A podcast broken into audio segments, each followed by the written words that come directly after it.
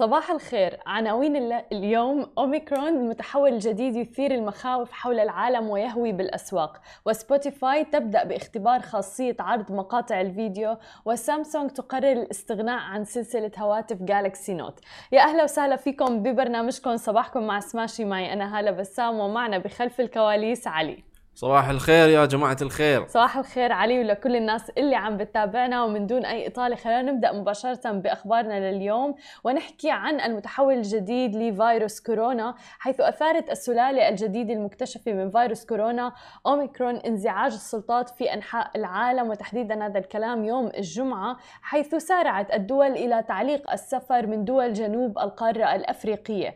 وتكبدت أسواق الأسهم في الولايات المتحدة وأوروبا أكبر خسائر. خسائرها منذ أكثر من عام.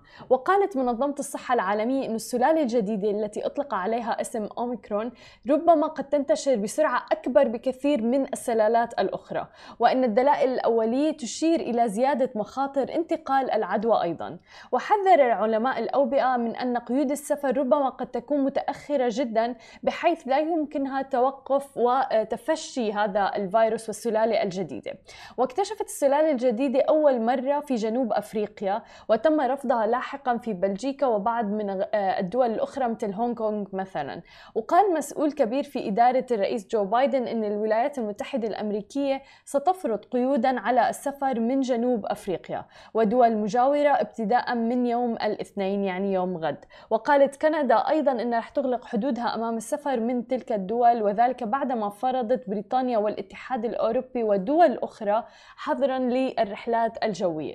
غير أن الأمر قد يستغرق أسابيع حتى يفهم العلماء تحورات السلالة الجديدة ما إذا كانت اللقاحات العلاجات الحالية فعالة في مواجهتها أم لا.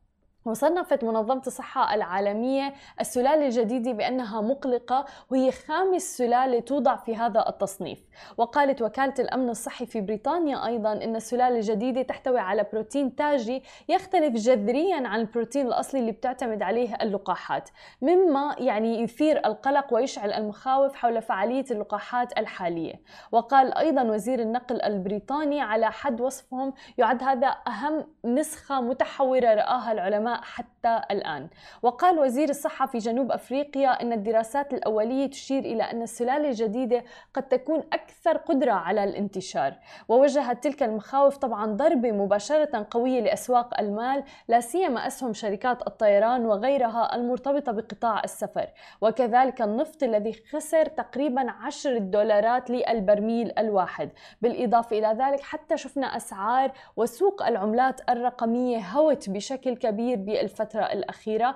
ولكن آه، أيضا شفنا عملة باسم السلالة الجديدة آه، بالعملات المشفرة. أكيد نحن رح نواكبكم بآخر المستجدات أول بأول متعلقة بالسلالة الجديدة على سماش تي في. ولكن خلونا الآن ننتقل إلى عالم التكنولوجيا ونحكي عن منصة سبوتيفاي حيث أصبحت سبوتيفاي آخر المنضمين إلى ركب الشركات التي تحاكي مقاطع الفيديو على تطبيق تيك توك. مع بدء اختبار خاصية جديدة لعرض مقاطع الفيديو وتحديدا فيديو الأغاني. وبدأ تطبيق الشركة على نظام تشغيل iOS بعرض مقاطع الفيديو على كامل الشاشة عند تشغيل الأغاني وأيضا المحتوى الصوتي. وسيضيف التطبيق تبويبا جديدا بعنوان استكشاف أو Discover رح يتيح للمستخدمين التنقل بين مقاطع الفيديو والأغاني بنفس الطريقة اللي بيتم فيها تصفح مقاطع تيك توك. وأكدت سبوتيفاي أخبار بدء اختبار الخاصية الجديدة جديدة ولكنها في نفس الوقت رفضت الحديث عما إذا كانت ستوفرها لمجموعة أكبر من المستخدمين قريبا أو ستبدأ في اختبارها على نظام آخر مثل الأندرويد. خلينا ننتقل لآخر خبر معنا اليوم ونحكي أيضا عن شركة جالكسي بعالم التكنولوجيا. آه، شركة سامسونج وسلسلة جالكسي من آه، سامسونج. لأنه عم بيقولوا إنه ربما لن يقتصر اختفاء آه، سلسلة جالكسي نوت من سامسونج على هذا العام فقط حيث بدأت خطة الشركة للاستغناء عن سلسلتها بشكل كامل في المستقبل للتركيز على الأجهزة الأخرى. كان كانت الشركة الكورية قد اضطرت للاستغناء عن هاتف نوت 21 بسبب شح أشباه المواصلات وأيضا رقاقات المعالجة ورغبتها باستخدام المتاح منها في الهواتف القابلة للطي.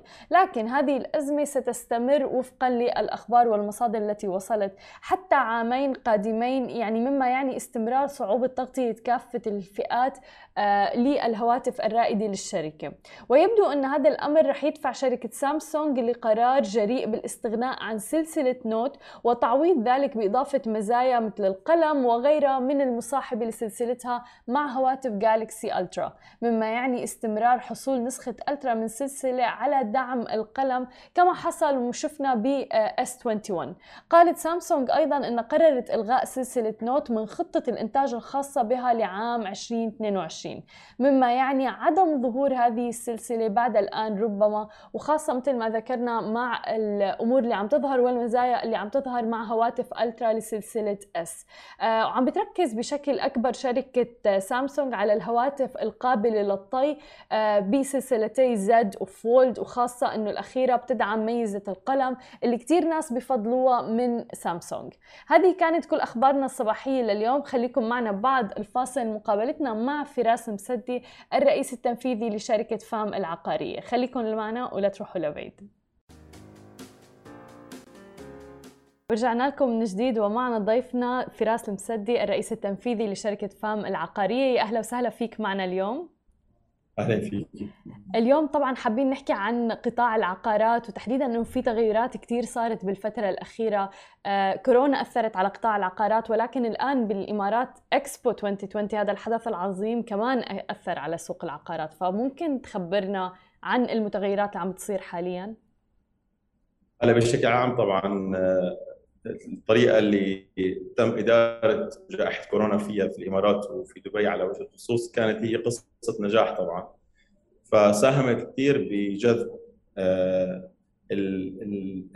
أغنياء العالم لدبي خلال جائحة كورونا لأنه خلال جائحة كورونا الناس اللي قادرة لسه تسافر وتروح وتجي هن يعني الناس الأغنياء بشكل عام. آه، فهذا ساعد كثير بانعاش ال segment اللي هي ال luxury apartments وال luxury villas اللي في دبي. آه، طبعا آه، بعد يعني بقول هلا الإكسبو صار له تقريبا شهرين. آه، كمان أدى ساهم بشكل كثير كبير بجذب وإدخال يعني new footfall لدبي. ولكن بشكل عام أنا برأيي هو تأثير الإكسبو هو بعد الإكسبو تأثير الإكسبو ما هو بس ست شهور للإكسبو. يعني الدولة ما استثمرت مليارات الدولارات لحتى بس آه، تحقق أي أرباح أو تخلي الناس أو الأسواق تحقق أرباح خلال ست شهور. هو ال impact تبع الإكسبو هو long lasting يعني حيكون for decades I think مليون بالمية. والمؤشرات بدأت الإيجابية تظهر يعني كنا عم نشوف إنه مؤشر سوق دبي العقاري آه، بأفضل أداء من 8 أعوام سابقا. فكل هاي المؤشرات إيجابية بالفترة اللي عم نشوفها حالياً. صحيح. يعني في أقول لك أعطيك شوي statistics. آه نحكي بس على الشقق الجاهزة في دبي. آه 2020 كان في تقريبا 8400 عملية بيع. ب 2021 سو فار 16500 طبعا الفيلا الفيلا كان لها حصة الأسد من آه فعلا. من ناحية انتعاش الأسعار وبنفس الوقت عمليات البيع. يعني بال 2020 كان في عندنا 1300 معاملة بال 2021 عندنا 3000 معاملة يعني تقريبا ثلاث أضعاف عدد المعاملات آه للفلل يعني فيلل و townhouses أكيد بعد بعد جائحة كورونا الناس صارت يعني تفضل إنه تسكن ب townhouse أو بفيلا فيها استقلالية أكثر آه من ناحية يعني الاستخدام حتى ال facilities الناس ما بدها كثير تستخدم نفس مثلا الأسانسير. أو المسبح مثلا فالفلل بتعطيك luxury of space وبنفس الوقت استقلالية اللي كل الناس صار بدها يعني اليوم الاستقلالية أكثر من أي وقت آخر. وحتى موضوع العمل من المنزل يعني كثير خلى الناس فعلا تفكر إنه لا أنا بحاجة فيلا ممكن أو يعني مكان أوسع لحتى يكون عندي مكتبي الخاص بالمنزل. آه كثير أمور لعبت دور بهذا المجال. في كثير ناس عم تسأل وين نستثمر من ناحية المنطقة الجغرافية؟ هل الاستثمار بمناطق باتجاه إكسبو آه خطوة ذكية مثلا بالوقت الحالي أم مثلا آه، الأماكن السياحية الأقرب للمارينا الجي بي آر مثلا بدبي تحديدا. هلأ بشكل عام أنا دائما بنصح إنه إنه الواحد يستثمر بأماكن that is very well established وأماكن فيها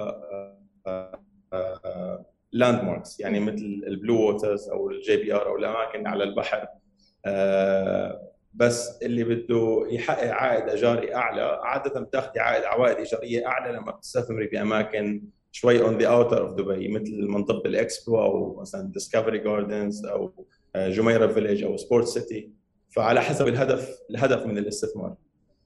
بس بشكل عام يعني بشكل عام نحن اليوم الأسعار اللي عم نشوفها الأسعار مع إنه يعني مثلا خليني اعطيك بس اجين آه، الفلل مثلا. متوسط سعر الفلل القدم المربع بال 2020 كان 600 درهم للقدم.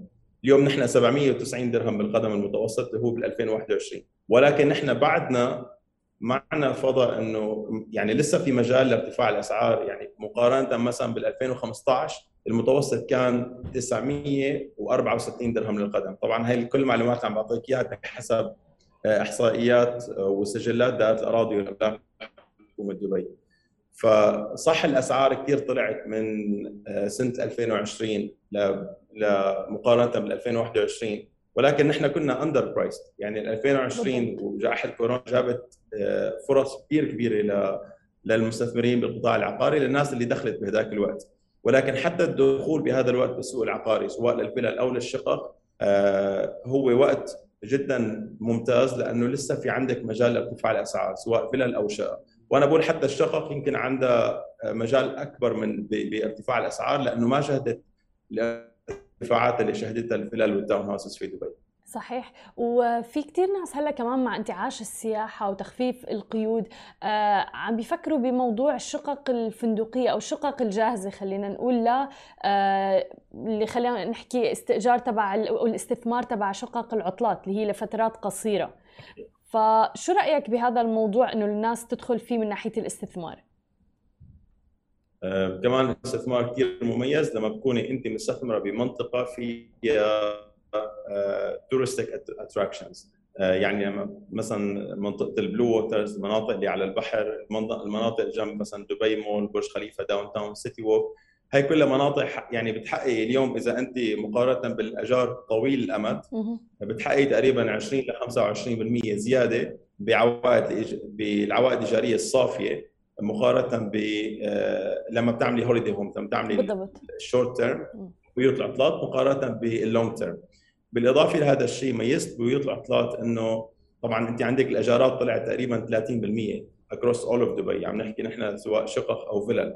فاليوم المستثمر اللي كان عنده آه، أجارات سنوية ما في طبعا يغلي يعلي الإيجارات ب 30% أو ب 20% لازم يتبع يتبع ال calculator اللي هي الأسعار اللي المنصوص عليها في آه، من قبل هيئة التنظيم العقاري في دبي. ممكن مثلا يكون في زيادة 5% بالسنة تقريبا آه، على حسب شو شو الأسعار. ولكن في بيوت العطلات المستثمرين اللي عندهم بيوت وتؤجر كبيوت عطلات آه، مجرد إنه طلعت الأسعار 30% أو 40% مجرد فرق الليلة أو الليلتين أو الأسبوع ومباشرة قدروا يغيروا الأسعار ويستفيدوا من انتعاش الأسعار في دبي. أكثر من الناس اللي كانت تأجر اجارات طويله مليون بالمية. الأجارات السنوية. وبعدين هلا موسم فيعني بالتالي موسم العطلات والنيو يير يعني ليلة النيو يير ببيوت العطلات رح تكون يعني مختلفة تماما مثل ما ذكرت بيسعروها بطريقة مختلفة. والإكسبو طبعا كان له يعني سب من أكثر الأسباب اللي فعلا دفعت أسعار بيوت العطلات صحيح. مقارنة بال 2020 أو 2019 الاكسبو كثير كثير ساعد طبعا. طيب ودائما في مقولة يعني بنسمعها كثير اللي هو إنه العقار بيمرض ما بيموت. صحيح. شو رأيك بهي الجملة؟ وتحديدا للناس اللي خايفة إنها تستثمر بقطاع العقارات. صراحة الاستثمار بقطاع العقارات هو استثمار جدا جدا آمن لكثير من الأسباب. يعني واحد من الأسباب أول شيء إنه سهل إنه الواحد يستوعبها ويفهمها لما بيقرأ عنها وبيسمع آه، آراء الخبراء بالقطاع العقاري ولما بيدرس السوق. مقارنة بمعظم الاستثمارات الأخرى. يعني أنا أهم نصيحة بالاستثمار إنه الواحد يفهم بشو عم يستثمر. اليوم إذا بتروحي مثلا للستوك ماركت أو لسوق الأسهم أو أو أو ما سهل الواحد يعني فيها كثير dynamics وكثير moving parts أما العقار هو استثمار يعني نوعيا آه، بسيط إنه الواحد يفهمه كلياتنا كنا يا عايشين ببيت ايجار يا عايشين ببيت ملك آه، ويعني أنا بتذكر عملت فيديو بأول جائحة كورونا. قلت إنه يعني اليوم الجائحة صح أثرت على الأسعار بكل الأسواق مش بس بدبي. بس آخر شيء إنه هالجائحة يا أما لا سمح الله حتضل وحتأثر علينا كلياتنا which مستحيل. يعني everything has an end. أو حتخلص sooner or later وبعدها حنشوف انتعاش كثير كثير كبير بالأسعار. مقارنة بالأسعار اللي كانت تحت تأثير آه، جائحة كورونا. آه، وأكيد يعني جائحة كورونا أصلا إذا علمتنا شيء واحد إنه الناس صارت تقيم وتقدر ال living experience أكثر من أي شيء آخر. يعني اليوم بتشوفي أنت كل العقارات ما بقول ال space is the new luxury فالناس كلها صارت عقارات أوسع الناس كلها اللي قادرة تنتقل من apartment من شقة لفيلا كل الناس صارت تقدر هذا ال living experience اللي عندهم.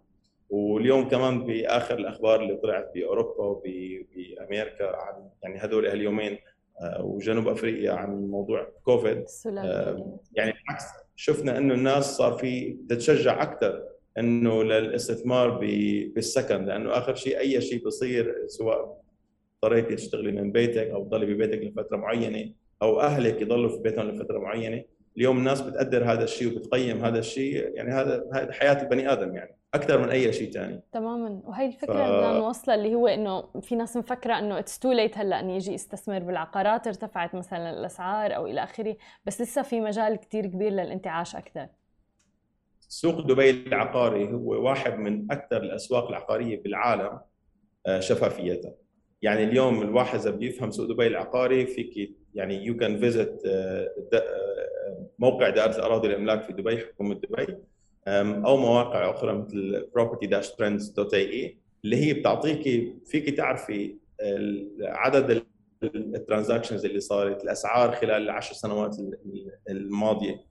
يعني صح مثل ما قلت لك الأسعار طلعت من 2020 ل 2021 ولكن نحن حتى بال 2021 لسه بعد آه، تحت الأسعار اللي كانت موجودة في السوق العقاري بال 2014 بال 2015 فهذا بيعطيك آه، يعني the needed knowledge لتعرفي بالضبط وينك أنت بال cycle أو بال آه، بال cycle بال cycle السوق العقاري تماما. طيب وفي مفهوم خاطئ يمكن قد يكون وأنت ادرى يعني وضح لنا إذا في مجال اللي هو إنه لاستثمر بالعقارات أنا لازم يكون عندي مبلغ طائل من المال لازم اكون غني لحتى أستثمر بالعقارات. هل ممكن أنا كفرد إني أوفر جزء من المال وأبدأ استثماري بالعقارات؟ وهل خطوة ذكية إني آخذ قرض عقاري؟ للاستثمار طبعا مو للسكن. هلأ بشكل عام أنا بقول إنه الواحد بيستثمر لحتى يعني يكون لحتى يحقق أرباح ويكون بحياته فأنا ما مع إنه أي شخص يضغط على نفسه ليستثمر بالعقارات أو بأي شيء آخر ويجيب كوابيس لحاله يعني يدفع أول دفعة ويكون ما عنده ما متأكد للدفعه الثانية. فلازم الواحد يكون عنده آه، إدارة ال cash flow اللي عنده لازم تكون يعني انت ويكون متأكد من قدراته المالية لإتمام مثلا المبالغ أو الدفعات اللي ممكن لازم يدفع للبنك إذا مول على البنك أو للمطور إذا أخذ من مطور عقاري.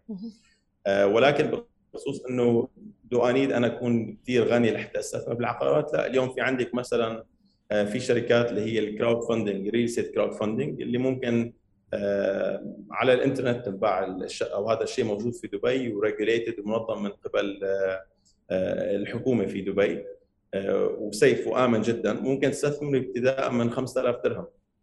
يعني في شقة طبعا تستثمري مع مجموعة مستثمرين pool of investors وت start من 5000 درهم. بس الواحد دائما لازم يدرس بالضبط شو عم يشتري ويدرس بالضبط شو هي الشركة هل الشركة عندها مصداقية الشركة مسجلة غير مسجلة أو الوسيط أو المطور. يعني هاي الشغلات there are so many safety boxes that you have to uh, to آه، غير هيك صراحة الاستثمار العقاري هو من أكثر الاستثمارات امانا أصلا. بس الناس لما تستثمر فوق طاقتها وقتها بتكون قد ما كان أمان بتصير آه، القصة بالعكس صحيح وهذا أمر كثير مهم اللي انت ذكرته اللي هو إنه المستثمر له الحق إنه يسأل عن كل مثلا الأوراق المطلوبة وإلى آخره هل هي الشركة ريجوليتد أم لا من الحكومة وكل هذه الأمور. صحيح وبخصوص التمويل العقاري هذا سلاح ذو حدين يعني. الواحد ممكن إن الواحد يمول عن طريق البنك طبعا وممكن يستفيد جدا من تمويل البنك بس في يعني نقطتين. أول شيء إنه ما ما يعني ما الواحد مثلا معه مليون يروح يستثمر ب 20 مليون يمول 19 مليون على البنك ويحمل حاله أكثر من طاقته لأنه هاي السوق ممكن يطلع ممكن ينزل لازم واحد يكون حاسب. حتى لو ال worst case scenario happens أنا ضل يعني solid و I can meet my obligations الشيء الثاني هو بخصوص التمويل العقاري هو بأي بأي توقيت أنت عم تدخل السوق. يعني أنا إذا دخلت السوق والسوق في أوجه مثلا آه، بصير أنا التمويل اللي عم باخذه من البنك فيه مخاطر أكثر من لما داخل سوق أنا عارف إنه لسه السوق في معه مجال إنه آه، إنه يصعد بالأسعار. يعني اليوم إذا اشتريت شغلة بمليون شيء بمليون درهم أنا ودفعت مثلا 20% 200000 ومول 800000 على البنك. إذا السوق طلع 20% خلال مثلا ثلاث سنوات أو الأربع سنوات مثلا أنا ال 20% اللي استثمرتهم الايكويتي ال 200000 بكون ربحت 200000 قدامهم فأنا بكون عامل 100% على استثماري مثلا خلال سنة أو اثنين أو ثلاث سنوات اللي صعد فيها السوق 20% ولكن بنفس الوقت إذا نزل السوق 10% أو 20% بكون أنا خسرت يا أما نص المبلغ المستثمر أما كامل مبلغ المستثمر. فاليوم أنا بقول لسه في مجال للأسعار إن هي تصعد. أنا بقول إنه still it's a very good entry point لسوق دبي العقاري اليوم. مش لأنه أنا بقول أنا بعطيك ال data وال statistics نحن لسه تقريبا 15% أو 20% أقل من الأسعار اللي كانت موجودة ب 2014 ب 2015 في دبي. واليوم طبعا آه، آه، اللي اليوم الانفراستراكشر أو البنية التحتية اللي في دبي حتى مكانة دبي ومكانة الإمارات اقليميا وعالميا والإمكانيات اللي صارت موجودة في الدولة. طبعا جزء من هذا الشيء هو التحضيرات اللي اللي تمت خلال الست سنوات أو السبع سنوات الماضية للإكسبو. هذا كله عززت من مكانة الدولة ومكانه دبي والسوق العقاري في دبي. وإذا نحن كنا بال 2014 2015 بسعر معين أنا اي ثينك إن الله إنه حنقطع هذا هذا السعر بيمكن 10% أو 15% زيادة. نحن ما بدنا السوق يطلع بيوم وثاني يوم ينزل بس أنا شايف there's very healthy upside trend بسوق دبي. تماما. وبدي أعطيك مثال لنحكي عنه خلينا نحكي من أمر الواقع. ولنفترض إنه أنا عايشة ببيت أجار. و ومثلا آه، هل باخذ بيت ملك وبسكن فيه؟ أم الأفضل إني آخذ بيت ملك وأستثمر فيه وأجره أنا ويدر علي بالأرباح. آه، يعني هاي من أحد الأسئلة اللي دائما تجينا وتحديدا إنه في تفاصيل يمكن في ناس غير ملمة فيها اللي هو رسوم الصيانة وإلى آخره آه، لما الواحد يتملك المنزل. هلا الواحد بشكل عام لازم يحسب بالضبط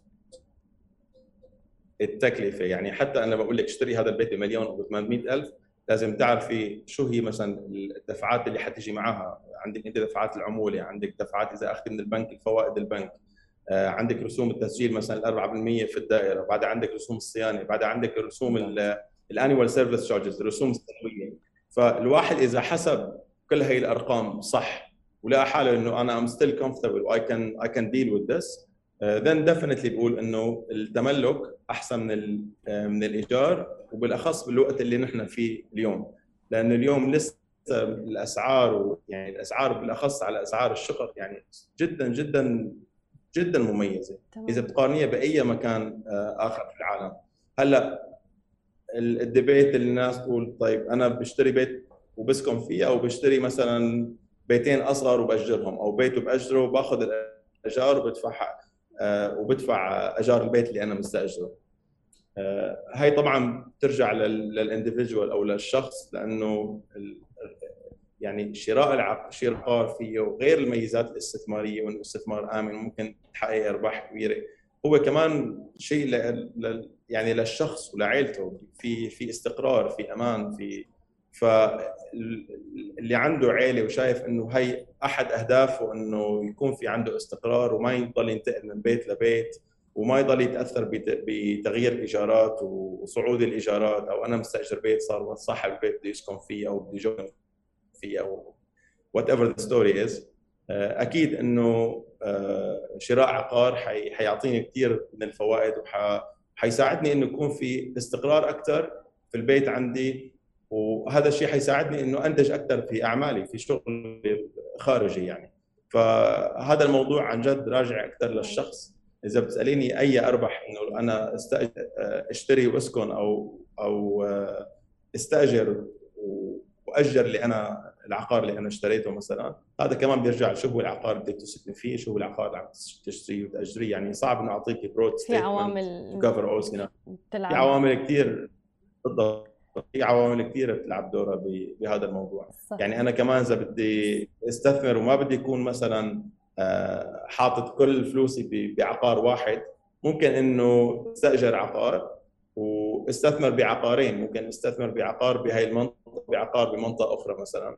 وهيك وقتها أنا إذا بدي بيع ما شرط إنه أنا كمان بروح أغير كل حياتي لحتى بيع تماما. عقار لحتى المبالغ مليون بالمية. فراس أنت مسيرتك كثير طويلة في مجال العقارات. آه، إذا بتعطينا بس هيك تحدي وأكبر تحدي واجهته بمسيرتك للآن شو هو؟ كمستثمر أو كصاحب شركة أو كش... كصاحب شركة. كصاحب شركة. أكبر تحدي. صراحة سؤال صعب لأنه كل يوم تحديات يعني هو كل يوم تحديات. صراحة ما وقفنا أه وهي هاي هي متعة الشغل يعني متعة الشغل إنه كل يوم عندك تحديات و يعني حتى نحن مثلا بكوفيد كوفيد كان تحدي كثير كبير بالنسبة لنا. صحيح. كانت الناس اللي اللي حوالي المقربة مني تقولوا لي إنه خلص فراس يعني يا أما سكر الشركة for now أو صغر الشركة وخلينا نشوف شو بصير. يعني أنا بتذكر من السنة الماضية لهي السنة نحن تقريبا أربع أضعاف حجم الشركة. مش ضعفين ثلاث أضعاف أربع أضعاف حجم الشركة. لأنه أنا استفدت خلال خلال خلال الكوفيد خلال ال lockdown لو كنا قاعدين ببيوتنا هذا كان أكبر فرصة بالنسبة لنا نحن لنخطط ل... ل... لما بعد مرحله كوفيد. وأنا كان دائما كنت عم أقول لما صار ال lockdown ب COVID إنه هذا ال lockdown لسه كلياتنا عندنا الفرصة إنه نستثمر وقتنا to create value إنه لنخطط لما بعد كوفيد فبس فتحت بس فتح ال lockdown يقول either have it as head start أو as setback نحن الحمد لله كل شيء خططنا له بلشنا بسبتمبر السنة الماضية آه، وخلصنا التخطيط لل 2021 ب 15 January تقريبا بشهر 1 2021 والحمد لله سو فار اليوم فتحنا ستة أفرع جديدة بسنة 2021 فصح كان تحدي كثير كبير بس أكبر فرص تجي من أكبر التحديات لأنه لما بكون في تحدي كبير معظم الناس تستسلم. بيقولوا إنه خلينا نشوف خلينا نشوف. هو الواحد لسه فيه يعني يكون عنده إنتاجية عالية ويستفيد من وقته. مليون بالمية. كل التوفيق لكم يا رب وألف مبروك على الفروع الجديدة وإن شاء الله دائما بنسمع الأخبار الطيبة. كل الشكر لك فراس ولوجودك معنا. شكرا كثير اهلين شكرا شكرا لكل الناس اللي تابعتنا. أنا بشوفكم بكرة بنفس الموعد. نهاركم سعيد جميعا.